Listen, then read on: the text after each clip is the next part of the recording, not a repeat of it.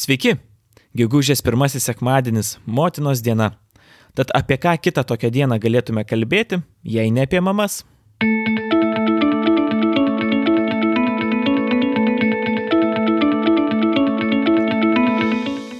Šiandien Imanto Masiulio klausinėsiu, kaip reikia auginti motinėlės. Kas tai per procesas? Ar sudėtinga jas augintis pačiam? Klausiu, koks būdas pasikeisti motinėlės yra pats tinkamiausias. Atsakymus į šiuos ir kitus klausimus išgirsite netrukus. O už porą savaičių pasirodys pirmasis bičiulių krašto vaizdo įrašas. Lankysiu Vaido Arbutavičiaus bityną ir gilinsiuosi į tai, kokia įranga palengvina bitininkavimo procesą ir padeda sutaupyti laiko. Kaip ir tinklalaidės, taip ir vaizdo įrašai. Tikiu, kad su kiekvienu tobulėsiu ir pasieksiu vis aukštesnį kokybės standartą. Tad laukit nekantriai ir nepamirškite kūrybos paremti Patreon platformoje. Nuoroda remimui, kaip visada, šios laidos aprašyme. O dabar visas dėmesys Imantui. Sveiki, Imantai. Labą dieną. Taip, dabar net nežinau, nuo ko pradėti jūsų klausinėti. E, aš prieš kelis metus pastebėjau jūs bitininkų grupiai, turbūt kaip ir dauguma bičiulių, ir man atrodė, kad jūsų reklamos, jūsų pasiūlymai įsigyti motinėlės yra visur. Bet aš kažkaip taip nekarto ir nesirižau. Pamenu vieną jūsų išskirtinumą, kuo man atrodė jūs išskirtinis mutinėlių augintojas, tai kad jūs siūsdavot e, per autobusų siuntas, jeigu aš gerai prisimenu, ir man tai buvo naujiena. Nes iki to aš važiuodavau labai toli, jeigu reikdavo tų motinėlių, nieks jų siūs nesiūlydavo. Tai va taip jūs man įstrigot prieš tuos kelis metus. Tai būtų labai įdomu sužinot, kokia apimtim jūs auginat motinėlės, e, kiek tai yra svarbi veikla jums ir, ir, ir bendrai apie jūs. Gerai, tai esu Imantas Masiulis, bitininkas, bičiulis, auginau bičių motinėlės. Net taip senai pradėjom užsiminėti bitininkystę, tai yra prieš 9 metus, gal 8. Pradėjom gan kukliai, nuo 6 avilių ir po truputį, po truputį plėtėmės. Šiuo metu auginam, žiūrim 120 šeimų ir apie 90 peržiemojo taip vadinamo mini plius nukleusų, kurie atitinka bičių šeimos dydį, bet yra visiškai kitose remeliuose, dėl to mes jų kaip ir nelabai skaičiuojam, nes tai yra visiškai atskirai. Šiuo metu auginam tiek bakfastą, tiek karniką, tai yra du visiškai atskiri bitynai, pakankamai toli vienas nuo kito, kad ne, nesimaišytų. Tai vad nuo to ir pradėjom. Pirmi keturi metai buvo tikrai iš tikrųjų sunkus, nes informacijos tokios kaip ir labai trūko, bičiuliai labai nemėgsta bendrauti apie tokius reikalus, nemėgsta dalintis, nemėgsta kviesti pas svečius. Tai teko ir knygų ieškoti, ir YouTube daug peržiūrėti, ir daug daugybę klaidų padaryti, kurias paskui buvo labai sunku ištaisyti. Bet tai po truputį, po truputį, po truputį. Ir prieš kokius keturis metus nusprendėm, kad reikėtų pabandyti užsiauginti motinėlę savo, nes arba jų nusipirkti buvo labai sudėtinga, arba jas gavus labai sudėtinga įdėti ir greitai prarandi tos pinigėlius, ką sumokėjai, nes tiesiog trūksta žinių. Tai va, po truputį pradėjom gilintis, kaip taisyklingiau motinėlės įduoti, kaip jas po truputį užsiauginti. Ir po metų nusprendėm, kad galim pabandyti auginti nedidelį kiekį pardavimui. Tai va, pradėjom įvairiai, buvo ir labai viskas gerai, ir buvo tragiškai, didžiausia problema, turbūt iki šiol tai yra rasti teisinę medžiagą, iš kurios tu norėsi auginti motinėlės. Tada ją tai įdėti, kad ją priimtų, tada perkelti apšelius. Ir taip daug, daug, daug niuansų, kurie kas kiekvienais metais vis tobulėjom, tobulėjom, bet dar vis atsiranda tokių niuansų, kur išplaukia. Ir juos tobulinam, keičiam po truputį. Tai va, šiuo metu dirbam dviesę su žmona, bet šiemet jau nebe, nebespėsim, nes išsiplėtėm dar ženkliai ir jau reikės samdyti žmogų, nes tikrai neturėtume galimybės jau tiesiog laiko atžvilgių yra, neužtenka parodyti tiek valandų, kiek reikia prie bičių motinėlį auginimo praleisti. Tai va, o mūsų pagrindinis verslas vasaros yra bitininkystė. Bičių motinėlių auginimas užima grubiai apie 60 procentų visų pajamų iš bitininkystės. Per vasaros metu sezono išauginam 2000 porotų motinėlių, Praeitais metais gal buvo apie 1700, šiemet planuojam 2-1 tame tarpe sustoti. Neporuotų niekada neskaičiuojam, nes jų būna ne viena dešimtis.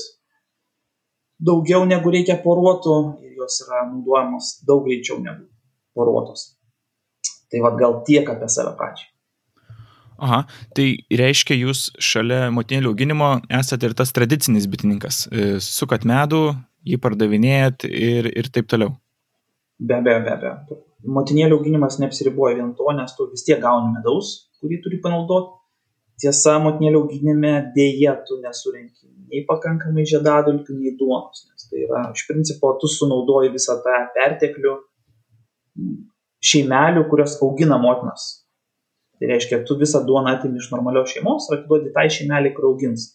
O kadangi jinai augina šeimelės be motinėlių, jos tą duoną labai greitai suvartoja, kadangi reikalinga labai daug perų maitinti. Tenai nėra lauko bičių tiek daug, kiek reikėtų, neparsineša ten. Grandinė tokia susideda, kad iš principo, kiek prirenki perteklinio medaus, duoną, žitadulkių, tu išdalini kitom šeimom ir pardavimui lieka tik medus perteklinis, bet jo yra tikrai pakankamai nedaug. Mhm. Gerai, tuomet man pradėsim gal nuo šito galvoju. Užsiminėt apie veislinę medžiagą, kad tai yra sunku ir aš esu tai girdėjęs irgi iš ne vieno augintojo, kažkaip taip užsiminė man net kaip pirkėjų, kad surasti gerą veislinę medžiagą yra sunku. Galit kažkiek detaliau, kas čia sunkaus ir iš vis kaip tai padaroma? Aš žinau, kad e, iš kur perka motinų augintojai, kai suranda gerą tašką, tai laiko paslaptyje, tai aš tikrai neprašau atskleisti, bet pats procesas, kas čia sunkaus ir kaip tai vyksta? Iš principo, jums reikia bičių motinėlių augintojo selekcininko. Selekcininkas tai tas žmogus, kuris užsiema bičių analizavimu, bičių šeimos analizavimu, tada išrenka geriausias tos bičių šeimos e, savybės ir bando perteikti jas kitai šeim, šeim, motinėliai. Tai yra. Bet tam, kad perteikti tam tikras savybės, yra tam tikri minusai, kuriuos reikia išimti iš tos sekančios kartos. Tai tam parenkamos kitos tėvinės šeimos, kurios, tarkim, yra geresnės tam tikram ir bando kombinuoti kartu. Tai reiškia, tarkim, šeima A motinėlė labai gerai neša medų, bet, tarkim, yra piktesnė. Tada ima tėvinė šeima B, kuri truputį mažiau medaus neša, bet yra ženkliai ramesnė. Ir, kaip sakant, paima tranų spermą su motinėlės sperma, su, su kiaušinėliu, sumaišo ir motinėlė žiūri sekantį kartą, kaip jinai elgesi ateityje. Tai, va, tai yra didžiulis darbas, nes iš principo tu sumaišydamas vieną liniją su kita gauni kažkokį kitą liniją ir ją patikrini tik sekančiais metais. Ir tik tada įsivertinęs, ar tai gavai, ką tu nori, gali tikėtis, kad iš tos motinėlės galėsi daryti tą vadinamą pardavimą kaip motinėlės, iš kurios augins kiti bitininkai. Bet dar įsideda tokie dalykai, kad tu turi išauginti ne vieną, turi išauginti šimtą, iš tų šimto atmeti pačias geriausias ir atmeti pačias blogiausias. Dėl ko? Nes, tarkim, pačios geriausios tai yra dažniausiai išskirtinumas, o ne užtikrinta tikimybė. Nes jeigu tu paimsi pačią geriausią, jos kartoj, iš kurios bandys užauginti, gali būti išeiti motinėlės pačios blogiausios. O iš pačių blogiausių tu nenori jau dauginti, nes jos jau dabar blogos, tai sekanti karta gali būti dar blogesnė. Tai jau tu išmeti beveik 70 procentų produkcijos, pasilieki tą auksinį viduriuką. Nes dažniausiai yra tokia, kad išaugini 10, tris iš viršaus atmeti, tris iš blogiausios atmeti. Ir tau lieka tas vadinamas 40 procentų. Ir tik tą 40 procentų gali vystyti toliau. Tai va, problema ta, kad tu turi nupirkti tavo 40 procentų. O tikrų selekcininkų augintojų yra labai labai labai mažai. Yra labai daug apsišaukelių, kurie vadina save selekcininkais, nors jokio selekcinio darbo ne, nevykdo yra labai daug motinėlių parduoda, kurios skaitosi selekcionuotos, bet iš tikrųjų neselekcionuotos. Jos atvažiuoja kaip paprasčiausios motinėlės, kaip Lietuvoje perkamos po 15-18 eurų, pavadina jas F0 bakfastų ir ima po 300-400 eurų kaip selekcionuotas. Tai va didžiausia problema yra ta, kad tu nematydamas to bitininko, nematydamas to bitino, neretai nusiperki katę maiše ir dažniausiai, kad maiše būna net ne katė. Tai va tame bėda yra didžiausia. Tai visiškai tiesa, kai tu randi tikrai gerą veislę medžiagą, tu parsisiunti ją čia į Lietuvą, sėkmingai duodi, ją patikrini, išaugini partiją, jas patikrini ir gauni tos rezultatus, ką teigia gamintojo lentelė, taip vadinama. Tai va tik tada tu jų džiaugies, kad ra, radęs tikrą selekcininką bičių motinėlio augintų. Bet per keturis metus, kiek teko bendrauti, realiai radau du, o pirkti yra daugiau negu iš dvidešimties. Oho. Taip, ir tai yra, nu, realiai pinigai išmesti į balą. Ir čia kalbam ne apie 100, ne apie 200 eurų. Oho, nu taip, nelabai motivuoja čia tokia paieška. O ar toli reikia ieškoti, ar čia kažkur kaiminėse valstybėse, ar Lietuvoje, nu, Lietuv, turbūt Lietuvoje nėra, tai čia kažkur toliau jau viskas vyksta. Turbūt net ir pietų Europoje. Lietuvoje buvo, jo, Lietuvoje buvo, bet Žakas užsiminė dirbtinio apvaisinimo kažkiek, bet bent jau pastaruoju metu buvo selekcija truputį apmažinęs, tai nežinau kaip jiems sekės, nes nepavyko su juo taip pabendrauti, o dabar jau dėja jisai iškeliavo. O šiaip artimiausias taškas tai yra Vokietija. E, Danija, Olandija turi savo salas, kuriuose nedirbtiniu būdu, bet kartais salose apvaisina, jos tikrai pakankamai neblogos būna. Liuksemburgė yra dirbtinio apvaisinimo specialistų neblogų. Ir aplinkų, tikrai yra aplinkų. Dar vėlgi negali žiūrėti viso pasaulio, nes tu ieškai bičių motinėlių, kurios skirtos labiau tavo regionų, negali atsivežti iš Afrikos. Ir taip toliau, nes jos tiesiog čia Lietuvoje žiemą neišgyventų nes turi atitikti ir dar vietinį klimatą. Mhm. Gerai, nusiperkam, randam kažkur gerą veislinę medžiagą, jūs ją atsisiunčiate į Lietuvą ir dabar taip, jeigu aiškinant man kaip visiškai nesuprantančiam, ką tuomet su tą motinėlę darot? Ja pakeičiat, e, įdedat į kažkokią šeimą ir laukiat perų, va kaip koks kitas žingsnis? Iš principo taip, tu turi ją į į, kaip sakant, įdėti į tvarkingą šeimą. E, yra labai daug niuansų dėl tokios motinėlės įdėjimo. Pirmiausia, keliauja ne vieną dieną.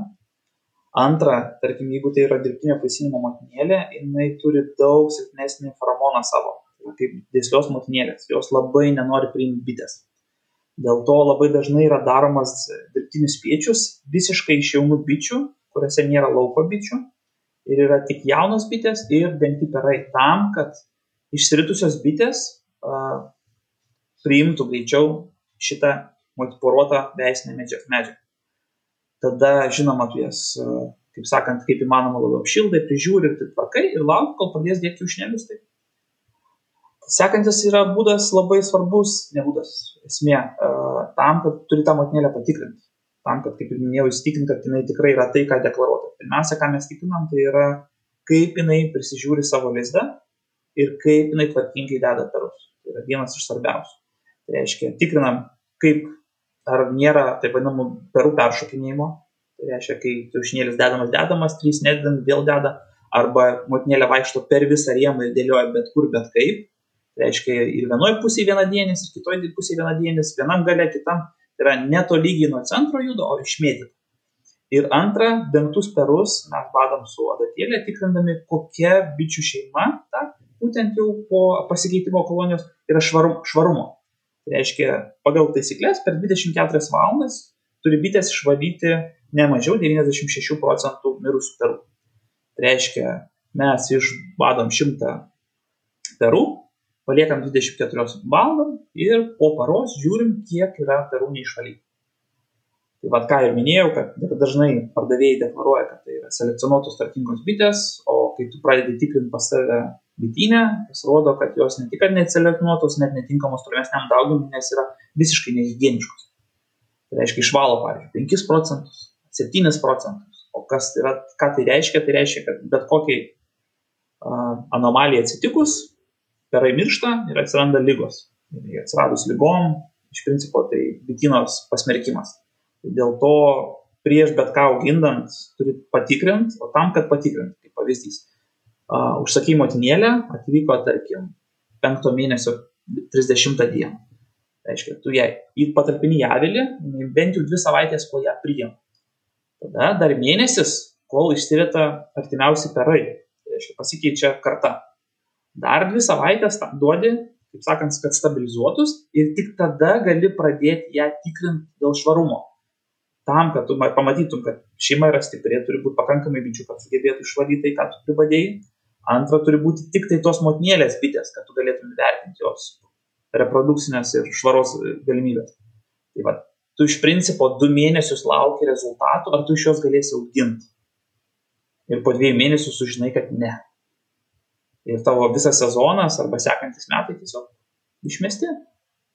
Tai dėl to mes tengiamės iš vieno augintojo užsakinėti ne mažiau dviejų, trijų, kad jeigu su viena kažkas negerai, bent jau ekstra atvejs būtų, o pastarosius du metus užsakinėjom iš dviejų, trijų, keturių netgi šiemet skirtingų augintojų ir tikrinam medžiagas jau iš skirtingų augintojų.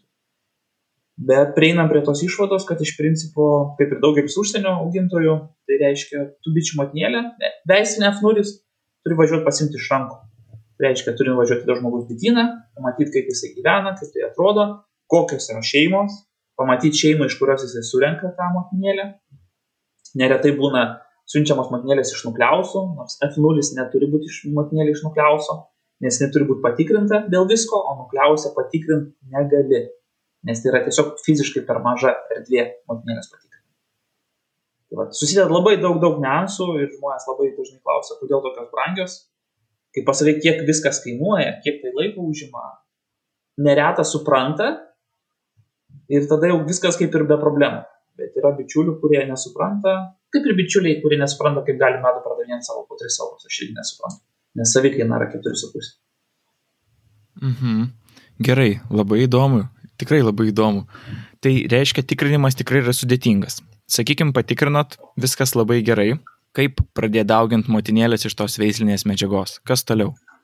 Yra labai daug dauginimo būdų. Ir reikėtų pirmiausia klausti, yra, ar tu dauginsi dėl savęs ar pardavimui vienas iš lengviausių būdų dėl savęs, tarkim, paauginti, tai yra tu iš to šeimos tiesiog atimi vieną rėmą su atvirais, mažiais, mažiausiais perais, tai yra su kiaušinėliais, jau tik pradėtum skilti kiaušinėliais ir atiduodi šeimai, kuri neturi motinos. Ir jos puikiausiai užsiaugins iš to rėmo savo pakaitinės motinos. Tam iš principo nieko nedaryti, daryti nereikia. Vieną rėmą paėmė, nukratėjai bites, aišku, pasižiūrėk, kad jos nebūtų motina ir atiduodi šeimai, kuri neturi. Jos išsiaugins lopšelius, išeis motina, Viskas, tikėkis, kad neapsiporos. Elementariausia. Sudėtingesni būdai tai yra lervutės, tos vadinamos trečios paros lervutės, perkelimas į dirbtinę akelę, tada tos akelės pernešimas į šeimą, kuri neturi motinos arba yra labai izoliuota nuo šeimos motina, tai yra, gali būti skiriama per pusę, gali būti sudaroma nauja šeimelė, daugia aukščiuose neretai būna dedaklina diafragma augina virš jos yra labai labai daug, daug būdų. Ir tada, tarkim, po 9 dienų tas yra uždengtas lopšelis, iš kurio turėtų ristis motina dar po 5 dienų. Tai arba tą lopšelį dėl tą šeimą, jau, kurie augins, arba dėdi šeimą, kuri vadinama tiesiog palaikys šilumą. Tai vadina, šeima, šeima inkubatorius, kuri tiesiog palaikys šilumą, kol motinėlė pribės iki, iki 15-16 dienos, kada jinai išeina. Tai dažniausiai yra 14 diena lopšelio, jis perkeliamas į šeimą arba nukliausą, kuriame jinai išsiris ir apsiskraidys. Tai va, jeigu taip paprastai nuo pradžio perkeli lervutę ketvirtą dieną į šeimą, kur neturi motinos, tada devintą dieną tą lopšelį jau dengtas jis bus perkeli į šeimą, kuri daugins 14 dienos, 14 dieną lopšelį perkeli į šeimą, kuriame motina jau išsiris ir apsiskraidys. Aha, taip dabar norėčiau dar pasitikslinti. Kaip vyksta lervutės perkelimas? Lervutės perkelimas vyksta specialių įrankių, Tai reiškia, yra toksai vadinamas kinietiškas ūsas, kuris pagamintas, kiek žinau, iš banginio ūso. Jis yra specialiai pašlifuojamas tam, kad būtų lengvutis. Ir jisai tokiu kaip ležuvėliu korio kutėje yra paima lervutę su peneliu ir perkeli jį į dirbtinį korį. Antras variantas yra vadinamas špatelis, nežinau kaip toks iš metalinis iš principo įrankis, kuris yra su plokščia e, galvutė suplota, kuri mechaniniu būdu paima lervutė iš irgi iš, iš lopšelio dugno ir perkeliama į dirbtinį korį. Tai yra būtent lervutės perkelimas.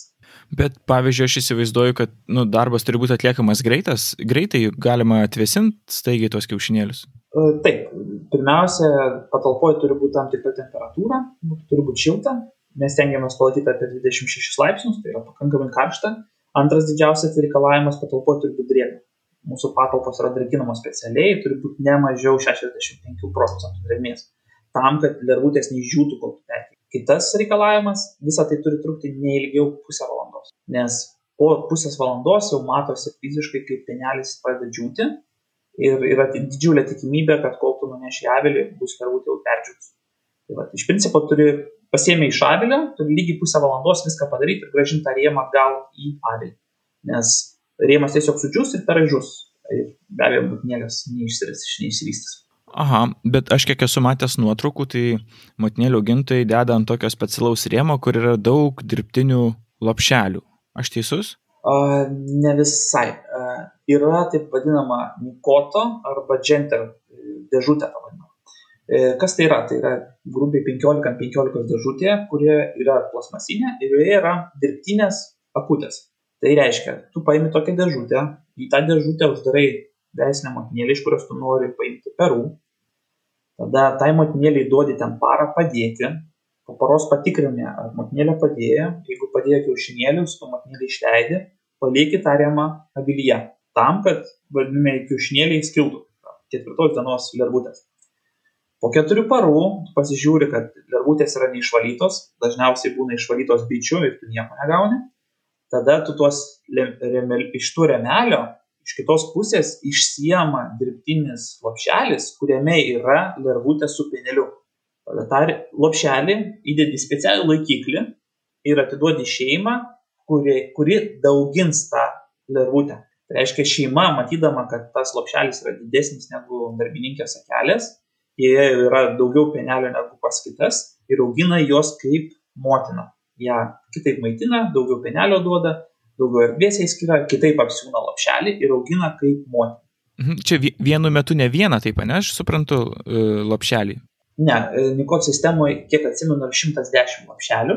Tai jeigu tau pasiseks, visus uždės, visus 110, tai va tu gausi 110 lapšelių. Ir tada visi tie lopšeliai keliauja į kitą šeimą, kuri laikoma be motinos, kad lopšelius pasiūtų pilnai. A, ne. Į šeimą tu gali duoti nedaugiau 20-40 lopšelių auginimui, jeigu tu nori kokybiškų motinėlių. Nedaugiau. Tai reiškia, jeigu iš tavo pavyko visus 110 gauti, tai tau reikės bent jau 3-4 šeimų, kurios daugintų tavo šitos lopšelius. Tai reikia visai daug šeimų laikyti be motinų tokių augintojų? Tai ne tik daug šeimų. E, kaip pavyzdys, pas mane praeitais metais, tai yra 2020 metais, buvo 25 šeimos augintojos ir buvo 30 šeimų, kurios palaikė tas šeimas augintojas, iš kurių tu sezono metu atimi perus, atimi žiedadulkes, atimi duonas, tam, kad pamaitint tas šeimas, kurios neturi motinos ir augina lopšelius. Reiškia, pas mane bitinė yra 120, iš kurių yra apie dabar jau gerai atsimenu 10 F0 motinų, kurių tu tiesiog negali liesti. Tada apie 60 šeimų, kurios augina lopšelius. Yra 70 šeimų, kurios tik tai palaiko bityną, kad turėtų kas auginti lopšelius ir motinas. Neskaičiuojant be tūkstančio vienetų nukliausų, kurie yra visiškai dar atskiras bitynas, kuris leidžia motinėliai komfortiškai jaustis auginti, kol jinai susiporuos. Tai yra didžiuliai resursai bitinė. Didžiuliai. Dažniau, dažnai ko ne, nežino, tie, kurie perka, įsivaizduoja, kad motinėlės kaip ir pinigai auga ant medžių. Yra didžiulis bitynas, turi palaikyti tai, kad tu galėtum galimybę kurtai užauginti tokį kiekį. Dar pagryšiu atgal šiek tiek. Taigi tada sudėdami į, mot, į šeimas augintojas, tas motinėlės, maždaug ten 20, ne, kelias, e, ir sakėt, jos yra laikomos, kol yra pilnai e, uždengiama akutė, ne, iki 9 dienos, taip? Lopšelis. Jo, lopšelis. E, ir tada keliauja kur? Tada jau į nukliausą. E, ne, ne. E, keliauja taip vadinama į bičių šeimą, kuri yra inkubatorius. Inkubatorius tai yra šeima, kuri normali šeima, bet joje yra palaikoma temperatūra tarkim, atskiriama dar viena papildoma grotelė, kad nedaug dėvė tą aukštą nepatektų motina ir nesugraužtų tavo lopšelių. Ir jie yra laikomi tenai penkias dienas. Tai reiškia, nuo 9 dienos, kai yra užrakiuotas lopšelis, iki 14 dienos. Tai yra, iš principo turi palaikyti drėgmę ir šilumą.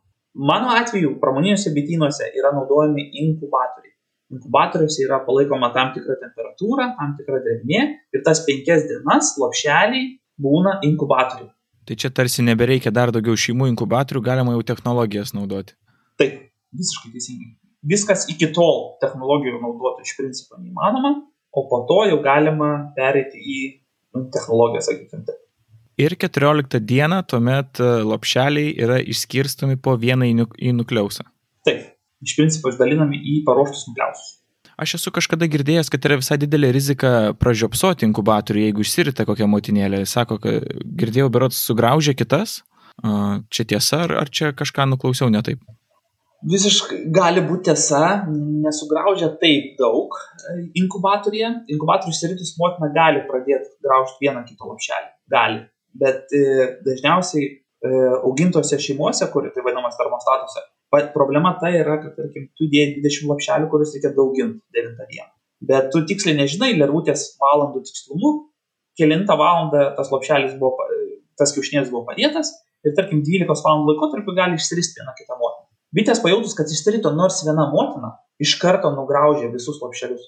Visus.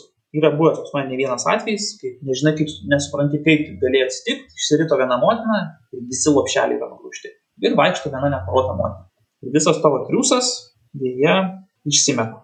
Bet šitas e, incidentas įvyksta inkubatoriui ar dar šeimoje augintojui? Ne, ne, ne. Čia bičiai šeimoje augintojui. Ai. Šeimoje augintojui, tai termo, vadinam termostatė.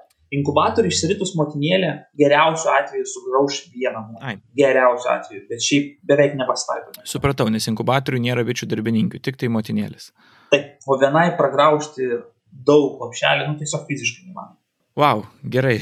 Tada jau lėkiam į nukliausus, taip? Galim lėkti nukliausus, iš principo. Tai iš principo 14 dieną išdalinam lopšelius po nukliausus ir paliekam juos ramybėj 2-3 dienas. Po 2-3 dienų, bent jau mūsų bitinė, yra tikrinama, ar lopšelis išsirito. Tai reiškia, ar yra taisyklingai išsi, išsigraužta motinėlės išlindimas. Tai reiškia, yra buvę nukliausių, tarkim, gali būti pavyzdys. Lopšelis neišsirito. Nu, bet kas, bitė sugalvojo ne, nepriimti, jisai sušalo, tiesiog neišsirito. Gali būti, kad nugraužtas lapšelis yra. Bitės nenori priimti lapšelio, bitės turi savo motiną, gali būti ir taip. Tai va, tai tikrinam, ar išsirito motina. Mes jos neieškom, tiesiog išima lapšelį, jeigu pamatom, kad gražiai to lygiai apačioje prasigraužus, išlindus, reiškia, motina išsirito. Ir tada laukiam grupiai dar 8-9 paras tam, kad sužinot, ar motinėlė apsiskraidė ir tada jau tikrinam kiaušinėlius. Kiek motinų nepavyksta apsiskraidyti procentaliai ar, ar kažkaip kitaip? O, iš principo reikėtų skaičiuoti nuo to, kiek tu pradėjai auginti perkeliai, tarkim, lervučių ir tada kiek gavai porotų motinų. Tai vad, mes tokios statistikos nevedam, nes iš principo parduodame neporotas motinas ir tada labai sunku truputį susekti, kaip ten iš tikrųjų. Bet iš principo turime apie 85 procentus apsiskraidimo gerą sezoną Bet būna tokių išsimtinių atvejų, kai būna labai prasti orai, nepasiseka, per anksti, dar visokių, visokių niuansų būna ir, pavyzdžiui, būna tik jau 30 procentų poruotų moterų iš visų uždėtų nukliausų. Įvairiai būna. Bet šiaip stengiamės, kad būtų virš 85 procentų skraidimas. Tai va čia procesas ir baigėsi, ne, tarsi motinėlio auginimo. O iš principo taip. Iš principo liko tik tai jas parduoti. Lengvoji dalis, kaip ir medo prisukai, lengvoji dalis parduoti sakėt, perka neporuotų motinėlių visai nemažai. Bet aš kaip suprantu, neporuota motinėlė įdėti į šeimą yra sudėtingiausia. Jos tiek prieimimas turbūt bus sudėtingesnis, tiek neaišku, ar jinai apsiskraidys priimta į šeimą. Taip, visiškai teisingai. Neparotos motinėlės įdėjimas yra labai labai labai sudėtingas, nes tai iš principo neparota motinėlė neturi hormono ir bičių šeimai tai yra tiesiog eilinė pašalinė bitė. O avilys su pašalinėm bitėm elgasi labai paprastai, tai yra nugėlimas išmetimas. Tai dėl to neparuoto motinam reikia sudaryti specialiai labai išskirtinės sąlygas, tai yra visiškai neturi būti lauko bičių, turėtų būti vien jaunos bitės, ta motinėlė neparuota turėtų būti uždaryta narvelė gal geras tris paras, kad jos nesugebėtų nu, kaip sakant, nugelt, Yra išskirtinių tokių atvejų, kaip, pavyzdžiui, bitės yra piktesnės, bitės yra kitos rasės, jos aplamai nenori priimtos motinėlės, būna nugraužę kojas, nugraužę sparnus ir dar visokių velnių. Ir dar įsijungia tas efektas, kad jeigu ir priėmė, tai nereiškia, kad neapsiskraidys. Ir kokybiškai apsiskraidys. Irgi tai yra vienas svarbiausių aspektų. Nes neretai bičiu, bičiuliai stengiasi nupirkti motinėlės kuo anksčiau ir įsivaizduoja, kad bityno specialiai neparuošus, jos susikūros puikiausiai tai būna dažniausiai labai didelė klaida. O kodėl? Tra, tranų trūksta ar kaip? Tranų trūksta ir kokybiškų tranų trūksta. Kaip pavyzdys, mes pradedam sezoną birželio 15 dieną, kai pradedam pirmas lapšelius dėtis. Bet tranus mes pradedam auginti balandžio 1 dieną. Kai balandžio 1 dieną bičiuliai dar būna, kaip sakot, lizdų neapžiūrėję. O mes jau pradedam auginti tranus. Tam, kad po 45 dienų tranai būtų pilnai subrendę, išsirytę, kaip sakant, didžioji dalis apsiskraidę, gerai pamaitinti ir turėtų svarbiausia pilnas spermatekos, kaip sakant, bazės spermos turėti. Nes didžiausia dabar problema, bent jau tranų, jeigu jų yra, labai daug vyrų yra tiesiog nevaisingų, kurie neturi spermos. Ir problema iškyla tame, kad motinėlė išskrido, tranų yra, bet nieks neįvyko arba įvyko labai prastai. Dėl to pirmosios motinėlės pas mus, tarkim, neparduodamas iš karto, laukiama, kol pilnai išsidės ir perai bus pilnai dengti. Tam, kad patikrintume, kad motinėlė kad tikrai apsivaisino ir kad jinai deda būtent darbininkių bičių perus, o ne traninius. Bičiuliai, kurie neaugina tranų, įsivaizduoja, kad užaugins motinėlės labai anksti, labai neretai nuliūsta, kad jeigu motinėlė apsiskraidė, bet nededa tik traninius perus, tai reiškia, jos spermateka yra tuščia. Mhm, matau, kad nepalėtėm vieno taško. Tranų auginimas. Tai čia dar ir šitai reikalinga. Be abejo, tai yra vienas iš svarbiausių, nes iš principo, jeigu tu užauginsi motinas, bet neužauginsi atranų, tavo rezultatas bus labai labai labai labai prastas. O kaip tai vyksta? A, yra, iš principo, perkamos specialios vaškuolės su traninėm akutėm. Jų ne visur įmanoma nusipirkti, tai rimtesnėse bitininkų parduotuvėse arba, sakykime, senesnėse. Sezono metu duodi tokias uh, rėmus bitėm, kad jos pasiūtų, tuos rėmus sandėliuoji ir balandžio pirmą dieną pasiūtus tuos rėmus dedi į tas šeimas, kurios tavo kaip augintojų vertinimu yra tinkamos kaip tėviniam šeimom. Tai reiškia, jos atitinka švarą, atitinka produktivumą, atitinka agresiją, tai reiškia, nėra piktos. Ir tu tokias šeimas sudėti traninius rėmus, kuriuos jos motinėlė jas puikiausiai uždeda, nes tu stengiasi tą rėmą įdėti per lizdo vidurį, kad kaip įmanoma greičiau motinėlė pridėtų kiaušinėlių. Akutės yra didesnės negu darbininkės, bitės augina tranus. Ir tokių, tarkim, šeimų bitinė pas mus pasto buvo praeitais metais 12 šeimų, karnikos bitinas yra mažesnis, jeigu gerai atsimenu, buvo 9, kurios nieko nedarė, tik augino tranus. Tai va, o nepamirškim, kad tranų auginimas yra ne vieno, ne dviejų vienetų, o dažniausiai 4-5 tūkstančiai iš vieno remelio. Tai va, tokį remelį vieną išaugint, tie tranai išsirita ir jie valgo maisto kelis kartus daugiau negu darbininkai. Taigi iš tokios šeimos medaus irgi mažiau ženkliai gauna irgi reikėtų įsivertinti. Mes palėtėm neporuotas motinėlės, bet labai populiaru, kai skubi ir kiek domėjausi, visai neblogas variantas yra keisti motiną lopšeliu. Ką galite apie tai pasakyti? Šiaip lopšelis yra vienas iš lengviausiai keitimo būdų, bent jau man. E, mes, kai pradėjome motinėlių auginimą, pradėjome nuo motinėlių auginimas iš neparuotų, tai reiškia iš inkubatorių susirinkti neparuotą ir tu iš jos augini. Bet problema, kad neparuotas motinas tragiškai nenori priimti būdavo neprieimimų 90 procentų. Tai tiesiog visas darbas nuėdavo. Ir atradom, kad lopšelis yra lengviausias dalis. Kadangi, kai tu įdedi, tarkim, nori pakeisti šeimoje motinėlę, tu motinėlę surandi, privalai surasti, sunaikini ir įdedi lopšelį. Lopšelis neturi jokio kvapo.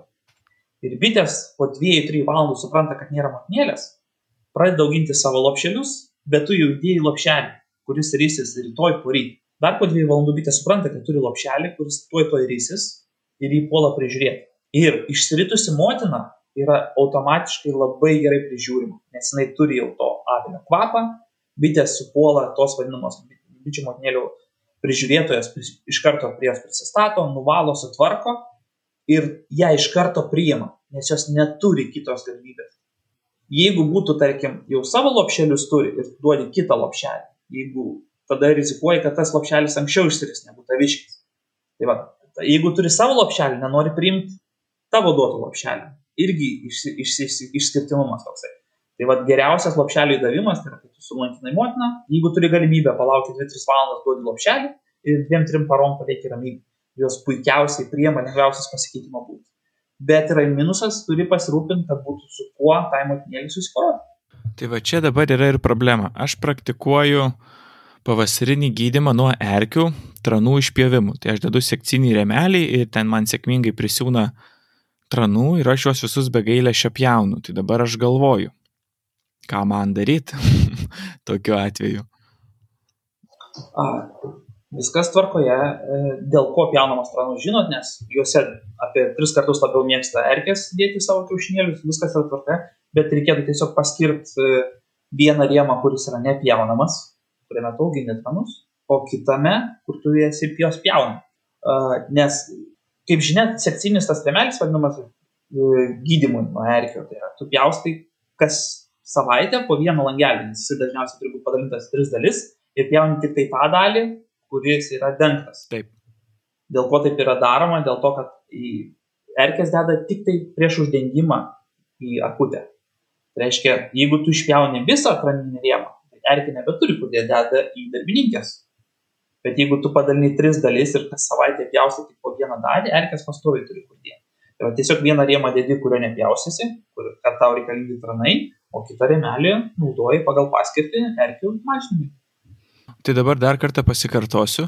Uh, reiškia, aš lopšelį galiu įdėti į šeimą, iš kurios pašalinau motinėlę arba sudariau, jo, iš kurios pašalinau motinėlę po poros valandų. O dabar jeigu sudarau šeimelę, tai galiu iš karto įdėti, aš taip suprantu. Irgi būtų gerai palaukti porą valandų. Uh, yra taip vadinama taisyklė. Lopšelį arba pečių motinėlę dedam tarp dvi, antros ir šeštos valandos. Kodėl taip yra? bitės pamato, kad neturi motinėlės pilnai, tai yra po dviejų valandų, tai reiškia, jos dvi valandas dirba puikiausiai ir po dviejų valandų jau supranta, kad neturi motinėlės, nes feromonas tiesiog dinksta iš avilio ir pradeda ieškoti motinėlės visam avilyje. Neretai būna ir po laka, ir ant lakos, ir ant sienos, visur. Po šeštos valandos jos pradeda auginti savo motinėlę iš tų rezervų, ką turi avilyje. Tai reiškia, suranda tinkamą lervutę ir pradeda auginti iš jos. Tai vat, mes turim tilpti į tą laiko tarpą, kada jos mielai priims bet ką, jeigu tinkamos sąlygos, be abejo, negaliu sakyti bet ką, ir tada yra geriausias prieimimas.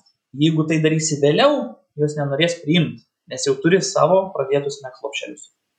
Čia turbūt būtų labai gera vieta paklausti apie tai, kaip jūs rekomenduotumėt e, suparuotą motiną įleisti, bet dar prieš tai e, noriu pasitikslinti, kada jau anksčiausiai įmanoma gauti neparuotų motinų lopšelių neporuotų motinų lopšelių anksčiausiai galima gauti, Fuh, dabar galvoju, gegužės 24.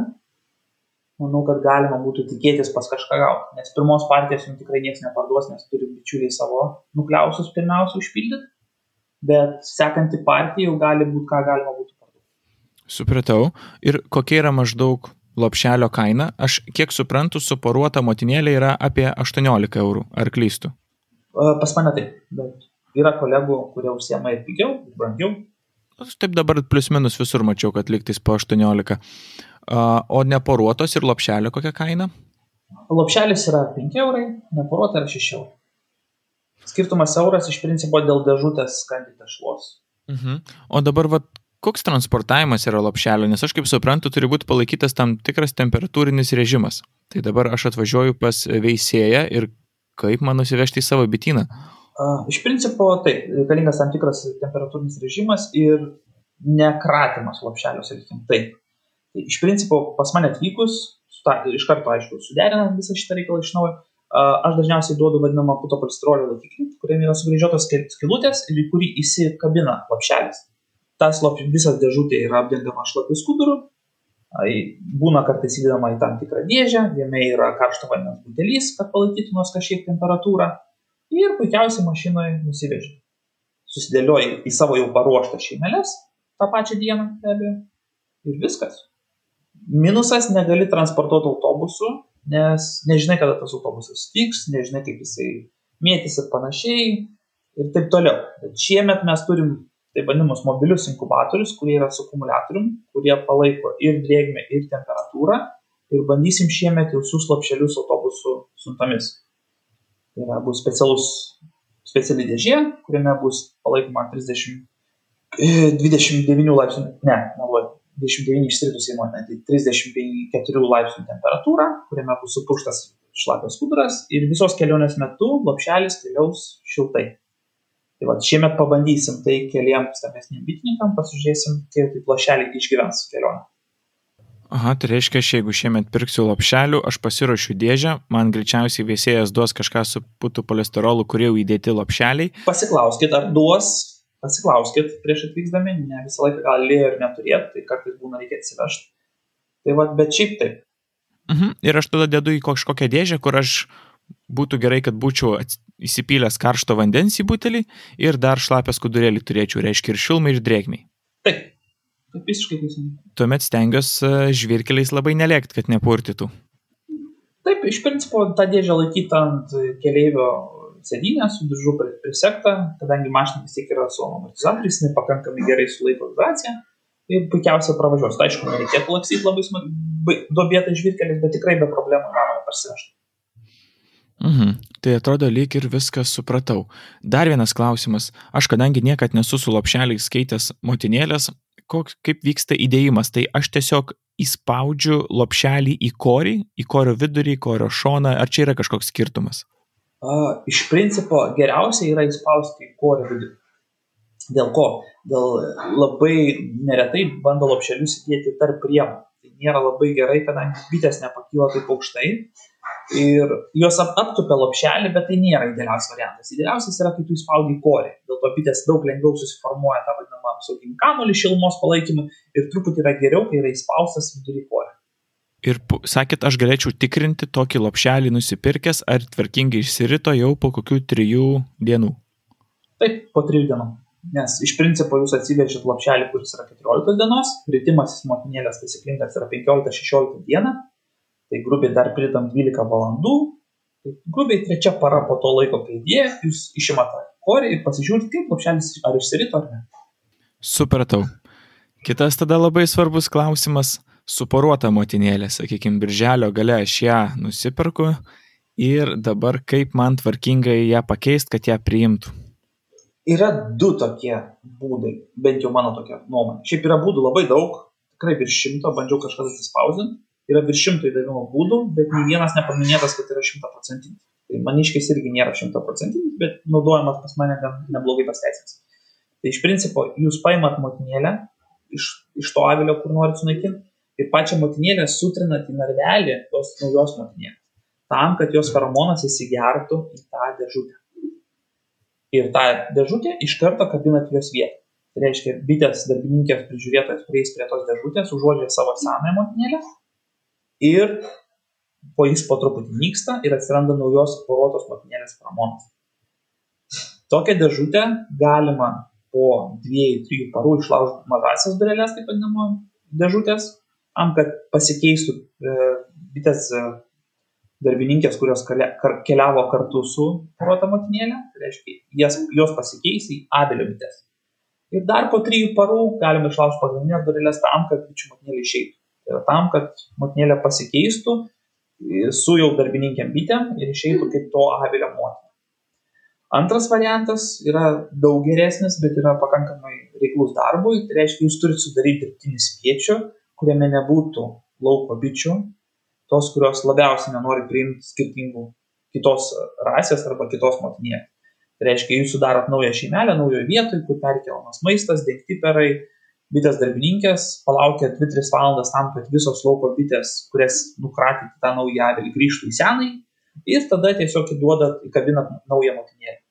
Jas daug mėliau priema, vėlgi nereikėtų iš karto jos paleisti, jokiais būdais netidarnykit niekada dėžučių, nes paaiškins vėliau. Tai va, ir tokią šeimą palikti ramybėj, būtinai sirupo duot, nes naujai sudaryto šeimelį nėra lauko bičių, kurios neparneša nei nektaro, nei vandens, Tai tokias šeimelės reikia būtinai maitinti gerą savaitę, tam, kad jos dasivystytų. Ir per savaitę atsiras lauko bičių, kurios dirbs kaip normali, normalios lauko bitės, parnešė žiedadulį ir vandens. Tai va, tai iš tokioj šeimoje, o tarkim irgi su, naujai sudarytoj, po dviejų parų galima jau būtų išlaužti pagrindinės durelės, kad bitės pačios savarankiškai be bitininko pagalbos išleistų motinėlę. Dar duokit 2-3 paras motinėliai ramiai padirbti be jūsų intervencijos į avilį, kad jinai kaip sakant, neišsigastų, nepakiltų, būtų atsirastų pas ją svoris, nes labai neretai būna po ilgesnės kelionės e, bičių motinėlės porotos gali ir pakilti, jos nesugeba grįžti tą patį avilį, nes tiesiog nežino, kur randasi. Tai va, dėl to, kaip ir minėjau, niekada neatidarnėkit dėžučių. Yra bitininkų, kurie skambina, sako, atidariau dėžutę, pakilo ir dingo. Negalima atidarnėti taip vadinamo transportavimo dėžučių, tam yra įdėta kandė, tam yra įdėta specialiai, yra durelės konstrukcijai, kurias išlaužėt, pačios bitės valgys skandį ir išleis bičių motinėlę. Tai pagrindinė taisyklė. Bet čia gaunasi, kad pakeičiau motinėlę uh, naujai sudarytoj šeimeliai. O jeigu, sakykime, aš turiu daug senų šeimų, kur man reikia susirasti senas motinas ir jas pakeisti naujom, poruotom, veisliniam. Ir dar prisipažinsiu, man tas pirmas būdas šiek tiek barbariškas uh, - trinti seną motinėlę. Gal dar kažkoks variantas yra? tas barbariškas, bet iš principo jisai nieko nekeičia. Tugi nori pakeisti neproduktyvę, piktą ar dar ar seną motinėlę naują. E, ir iš principo, nu gerai, tarkim, vis tiek bet kuriuo atveju duodant motinėlę turi sunaikinti seną. Ar tu jį išmesi ant žolės, ar tu ją įmesi dūminę, ar tu ją sutrinsi naujos narvelį, ar vis tiek jos, jinai privalo dingti iš to avilio. Kokį dar kitą būdą įsivaizduoji. Jo tiesiog nėra. Tu privalai tai padaryti. Nemaža problema, kad bitininkai nežino, kaip motina atrodo, sunkiai sekasi ją surasti, arba iš vis neranda. Tada yra dar kiti niuansai, kaip galima padaryti bet dėl ko mano minėtas naujo šeimelės sudarimo būdas yra daug paprastesnis. Tau iš principo tai sudarai naują šeimelę ir įdavė naują motiną. Jeigu nori pakeisti senoji šeima, gali apkeisti avilius vietom, tai reiškia naujai sudarytą šeimelę statai į senosios vietą ir visas visas bites iškratai ant prielakio. Bites, kalbu be motinėlės. Jos visos sueis į naująją avilį, kaip lauko papildomas darbininkės ir tuos visus rėmus sudėdė avilį ir taip pat sujungia į šeimą iš principo. Tai va, o pakeist, o pakeist privalai dėja sunaikinti senąją. Kaip tu tai padarysi, iš principo jokio skirtumo, bet privalai sunaikinti seną. O teko dar matyt ar girdėt metodą tokį irgi gan imlų darbui, aš kaip sakau, nes reikia dažnai važinėti bityną. Tai berots, jeigu nesuklysiu, pataisykit mane, išimu seną motinėlę, kažkaip ją susiradęs, palaukiu 3 valandas ir įdedu narvelį su suporuota motinėlė.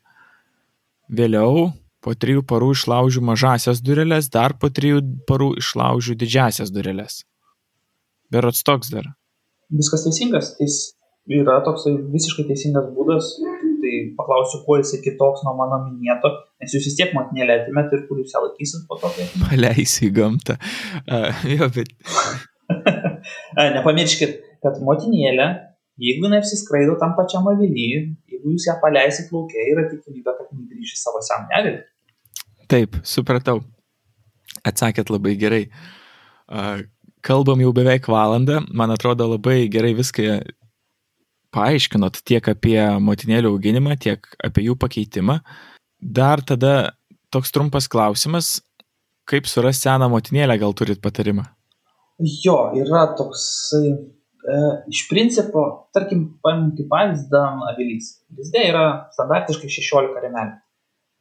Iš principo, jūs pradedat nuo avilio centro ir jame ieškot vienadienių kiaušnėlių. Kas yra vienadienis kiaušnėlis? Tai yra baltas kiaušnėlis, kuris žiūri lygiai, kaip čia pasakyti, į vertikaliai nuo dugno. Visiškai status. Aha. Tai va, Radus tokį rėmą, yra 90 procentų, kad ta motinėlė yra būtent ant to rėmo. Arba ant vieno iš gretimų. Tai reiškia, jūs radus tokį rėmą, jį apžiūrit pilnai, jeigu nerandat motinėlės, pasidedat jį kažkur į kitą dėžę, nei, net gal į avilį. Ir imat tuos gretimus rėmus. Ir gali dažniausiai rasti ant tų rėmų.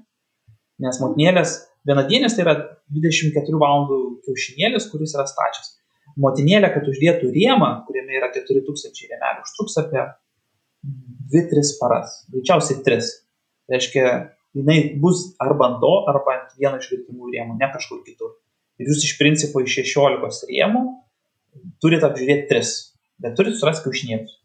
Tai pats lengviausias būdas. Radai kiaušinėlį, motinėlė bus tikrai ant to.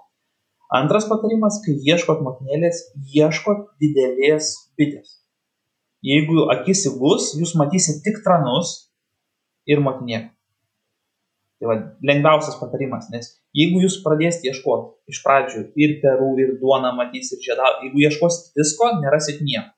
Bet jeigu susikoncentruojat iš pradžių ieškoti tik kiaušnėlių, radau kiaušnėlius, dabar ieškau didelios motinos. Nežiūriu nei perų, nei maisto, nieko, ieškau tik didelės bitės. Rasit didesnės bitės, tik tai klausimas atskirskit kad tai yra motina, o ne tranas. Nes pradedantis dažniausiai rodo, va, motinėlis, čia tranas. Kitas būdas, kai jau labai, labai nesiseka rast, yra bičių šeimos kratimas. Bet jis yra labai imlus darbas. Tai reiškia, jūs visą šeimą turite perkrės per dėžę arba per groteles motininės, sušluoti viską į avilį atgal ir ant tų grotelių rasti motiną. Tai yra labai imlus darbas.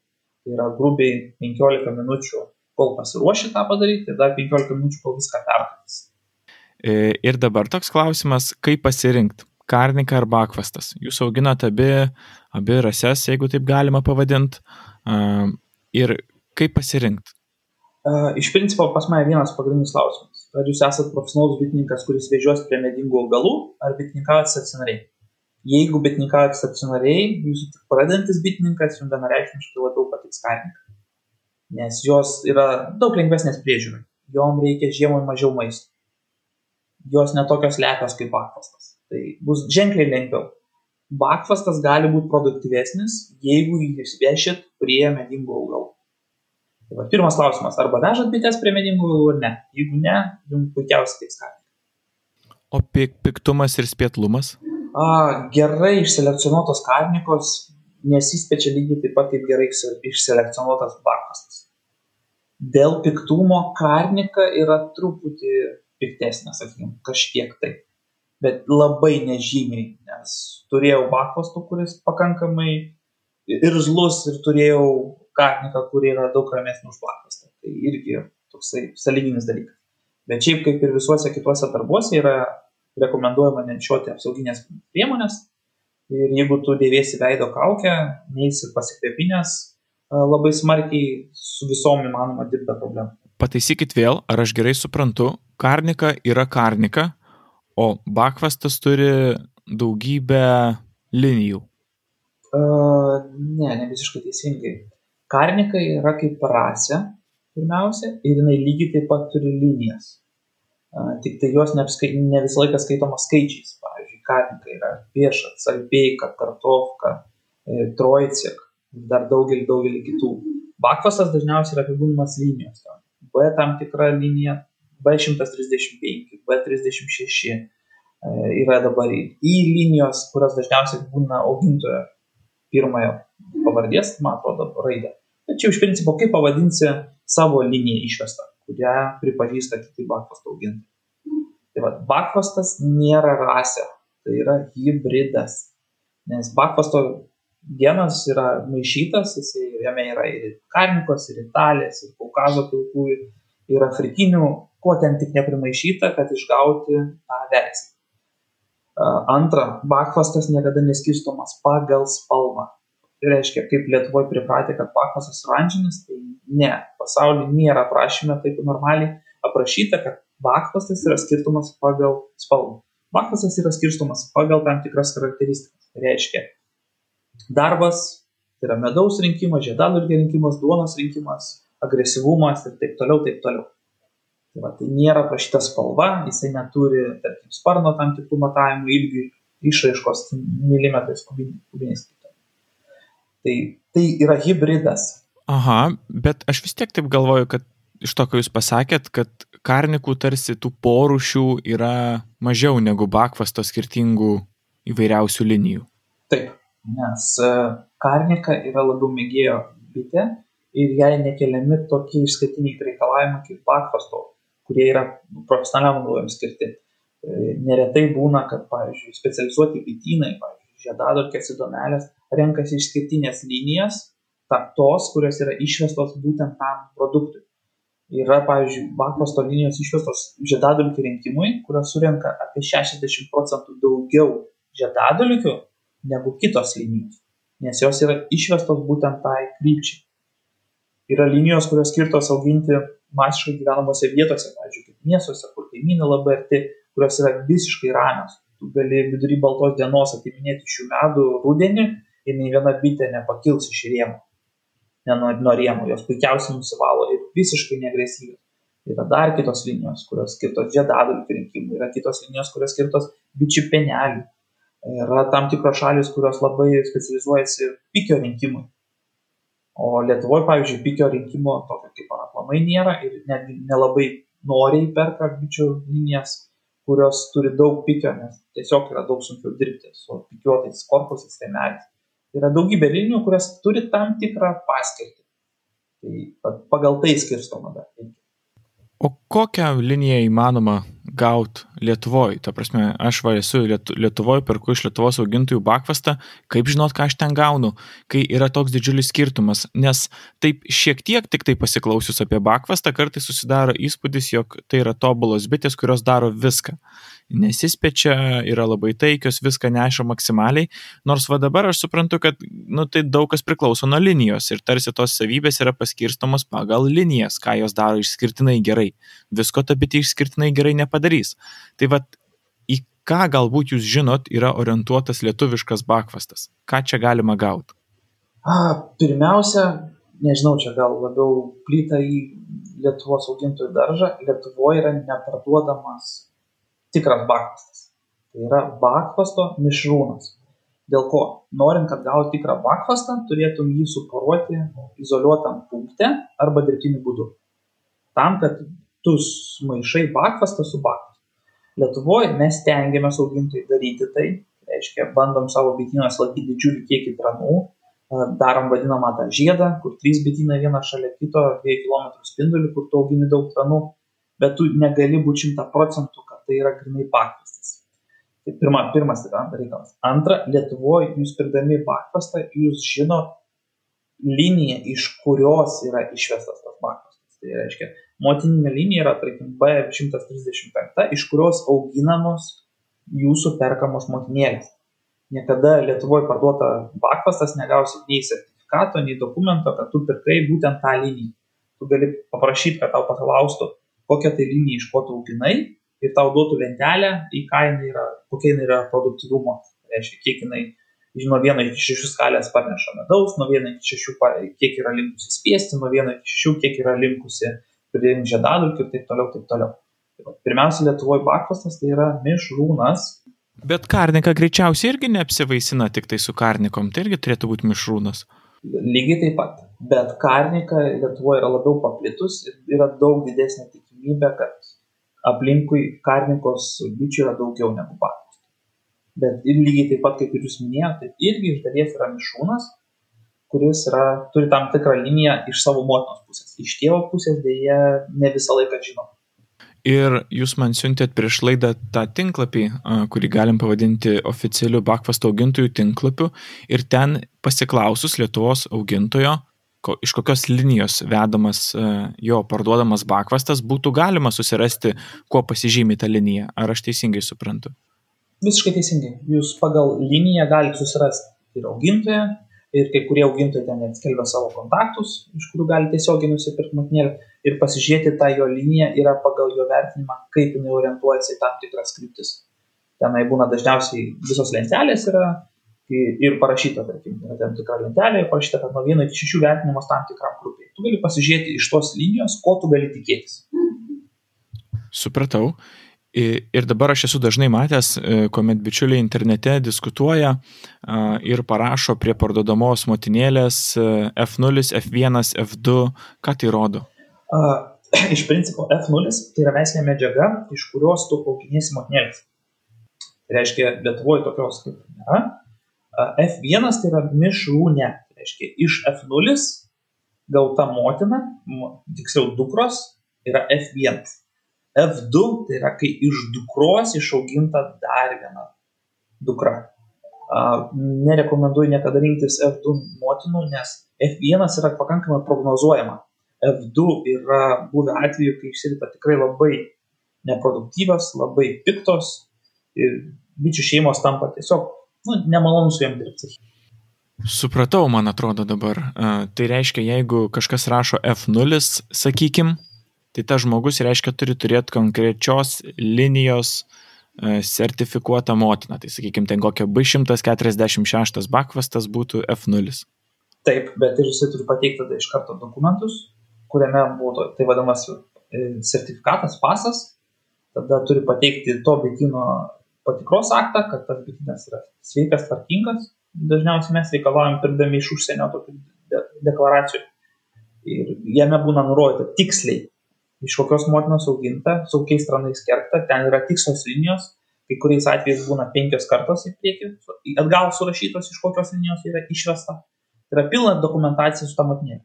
Motinėlė privalo būti suženklinta, su ant nugaros turi būti numeris, Nes yra buvę pas mane atveju, kai nusipirkė F0, atkeliauja motina ne tik, kad markerių nežymėta, iš vis nežymėta. Jis sako, kad tau F0, tai nėra taip. Selekcionuose bitynuose visi aviliai yra sužymėti, visos motinėlės sužymėtos, eina su visais pasais. Tai va, jeigu pardavinėja Lietuvoje F0, jas turėtų atvežti iš užsienio ir atvažiuoja su visais pilnais dokumentais, su atspaudais ir taip toliau. Su karnikom atrodo tarsi šiek tiek paprasčiau. Viskas tas pats. Tas pats, ne? Visiškai tas pats. Visos karnikos F0 motinėlės atvažiuoja su sertifikatais. Bet Lietuvoje, kaip sakėt, pas mus e, patys niekas neveisia F0 nei karnikų turbūt, nei bakvastų. Be, bent jau aš nežinau apie tokius augintojus, kuris užsiimtų F0. Nes pirma bėda, uh, turi būti atliekamas selekcionavimo darbas.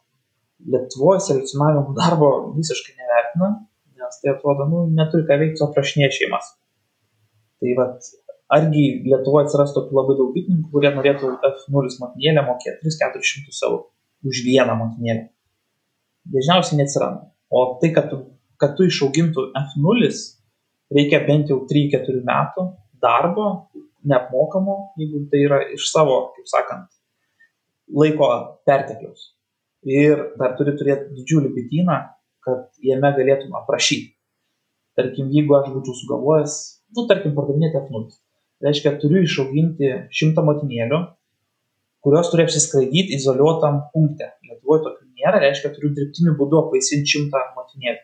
Reiškia, turiu surinkti iš 1000-1500 tranų spermą, su, su, viską sukatalkalizuoti, tada apvaisinti motinėlės, tikėtis, kad jas visas priims, apsiskraidyti, tada metus laiko jas visas aprašinėti, kaip jos elgės, kiek medaus neš, kiek, kaip lyg su lygom kovoja, kiek maisto žiemą suvartoja. Ir tik tai sekančiais metais iš tų visų, tarkim, šimtas, jeigu visų peržemo, atmesti geriausias, blogiausias, tada vėl daryti pakartotiną motinėlį auginimą, kurio ir tada vertinti jau jų dukras.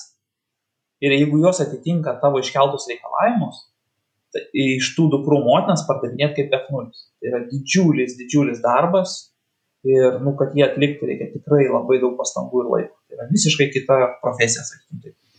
Jo, selekcija atrodo tikrai sudėtinga, bet man kiek teko girdėti Lietuvoje tų dirbtinių apvaisinimo aparatų yra kažkiek, tai tarsi galbūt kažkas ir bando savo, neselekcionuodamas, bet e, apsivaisint grinaveislę medžiagą. Yra, taip ir aš esu girdėjęs, kad tikrai turi tų dirbtinio aparatų, viską, bet e, kiek man žinoma, kiek va, buvom pas bičiulius augintojus, kurie užsiema tuo, apmokina į metus po dešimt tokių mokinių, iš kurių, sako, iš šimto išaugintų tik trys iš tikrųjų dirba tą darbą. Nes pagrindinė problema, kad viskas yra pakankamai nesudėtinga, tu gali nusipirkti techniką, apsimokinti mėnesio bėgiai ir tu gali pradėti tai daryti. Bet bėda, kad reikia mokėti selekcionuoti ką tu su kuo maišysi ir ką tu tikiesi gauti. Tas selekcionavimo darbas turėtų būti pirmoji vietoje, tik po to tas dirbtinis apvaisinimas. Nes tu dirbtinai apvaisinės turėsi vėl jas selekcionuoti, kad išgauti tą vadinamą F0. Tai tas prieš tai darbas yra daug svarbesnis negu pats apvaisinimas. Dar nepamirškim, kad dirbtinė motinėlė įdėjimas į šeimą yra dar sudėtingesnis. Antra, dirbtinė motinėlė, kadangi jinai vis tiek nori apsiskraidyti, visos lakos dirbtinių apvaisintų motinėlių turi būti uždarytos grotelėm, kad nesugalvotų išskristi. Ten yra prasideda daugybė kitų niuansų įsijungia, daugybė. Dirbtinai apvaisintų motinėlių turi ženkliai mažiau feromonų, jos ženkliai mažiau nori priimti. Antra, dirbtiniai apvaisintų motinėlės gyvena trumpiau. Susideda daug kitų niuansų dar. Čia yra iš vis valandos, sakykime, taip net pradėta apie tai neverta, jeigu neturi 10 valandų apie tai pašnekėti. Oho, tikrai labai įdomu, net nepagalvočiau, kad tai, bet pasakot ir labai logiška viskas. Dar tada du paskutiniai klausimai. Pirmas būtų, kiek iš jūsų motinėlių parduodama Lietuvoje, o kiek išvyksta į užsienį? Ar yra, kurios išvyksta, kad kažkiek išvykti į užsienį, ar viską nuperka lietuviai? Apie 90 procentų parduodama yra Lietuvoje. Taip, išvyksta truputį, esu pardavęs ir Rusiją, ir Didžiąją Britaniją, į Norvegiją iškeliavo pasibandymą O ar, ar jom ten prigis ar tiks, sužinosiu šiemet. Ir pats paskutinis klausimas pabaigai, gal dar kažką galit patart, nors atrodo patarimų tikrai prižiūrėt labai daug, aš pats juos netgi atskirai išsirašysiu, nes galiu užmiršti netgi ir redaguodamas laidą antrą kartą išklausęs. tikrai labai naudingi, bet gal dar yra kažkas apie, apie motinų pasirinkimą, apie jų keitimą, gal dar kažko nepaminėjom. Gal, sakykime taip, kai renkatės iš ko pirkti bičių motinėlės, atkreipkite dėmesį, kas tai per augintojas, kiek laiko jis to užsiema. Pirmiausia. Antra, F0 medžiagos, kokią liniją bent jau, kaip jinai aprašyta. E, iš to reikėtų prastyti. Antra, nerekomenduočiau bites siūstis paštomatais, gink dievę. Jeigu siūlo tokią funkciją, nu tiesiog ne. Nes mintis tokia, paštomatas tai yra metalinė dėžė. Jeigu ta metalinė dėžė ant saulės, tai jums motinėlėm ne kažką. Antra, jeigu turit galimybę, pasimkite motinėlės iš rankų rankas. Atvažiuokit į bityną, pasimkite motinėlės. Pasiklausit dar prie vieno kažkokių neaiškių klausimų, galbūt kas, turės. Um, Trečia, nesitikėkit, kai perkat motinėlę, kad jūs gaunat šimtaprocentinę konsultaciją. Nes, tarkim, pavyzdys, aš prekiauju motinėlėm, vasaros metu sulaukiu šimto skambučių. Jeigu kiekvienos skambučio metu bent jau penkias minutės prašnekėt apie bet ką, motinėlės įdavimą, pakeitimą, kodėl tau jos reikia ir panašiai, tai aš daugiau nieko nedaryčiau tik telefone, kaip sakant, ir išnekėčiau. Stengiuosi atsakyti, pakonsultuoti, bet yra didžiulės laiko sąnaudos pasidarykit, kaip sakant, pasiskaitykit, pasižiūrėkit YouTube pilną vaizdo klipų, kaip įduotas motinėlės ir panašiai. Ir neuždavinėkit tokių klausimų, kur atsakymų yra pakankamai daug internete. Taupykit laiką augintojo, nes tikrai jo visą laiką trūksta. Va, dar vienas variantas, aš šitą laidą suskirstysiu dalim, bus labai patogu atsisukti kitam tikros dalies apie motinų keitimą. Galėsite, imantai ir jūs, e, nusiųs laidos kažkam norą dar pasiūlyti susirasti ir pasisusitaupysit savo galbūt ir kitų laiką. Turim planuose padaryti įrašą, kaip keisti, dėsim savo YouTube kanalą ir galbūt truputį palengvinsiu savo gyvenimą ir aš. O, liuks, labai gerai. Reikės ir man pasižiūrėti, kai tik atsiras. E, tai tikrai labai ačiū už jūsų skirtą laiką. Aš esu įsitikinęs, jog šitą laidą bus labai naudinga daugam ir ypatingai man. E, tai tikrai labai ačiū įmantai. Ačiū geros dienos. Ačiū visiems, kurie klausėte iki galo. Kita laida už mėnesio. Gilinsimės, ką reiškia pereiti iš paprasto į profesionalų bitininkavimą. Gražios dienos ir iki.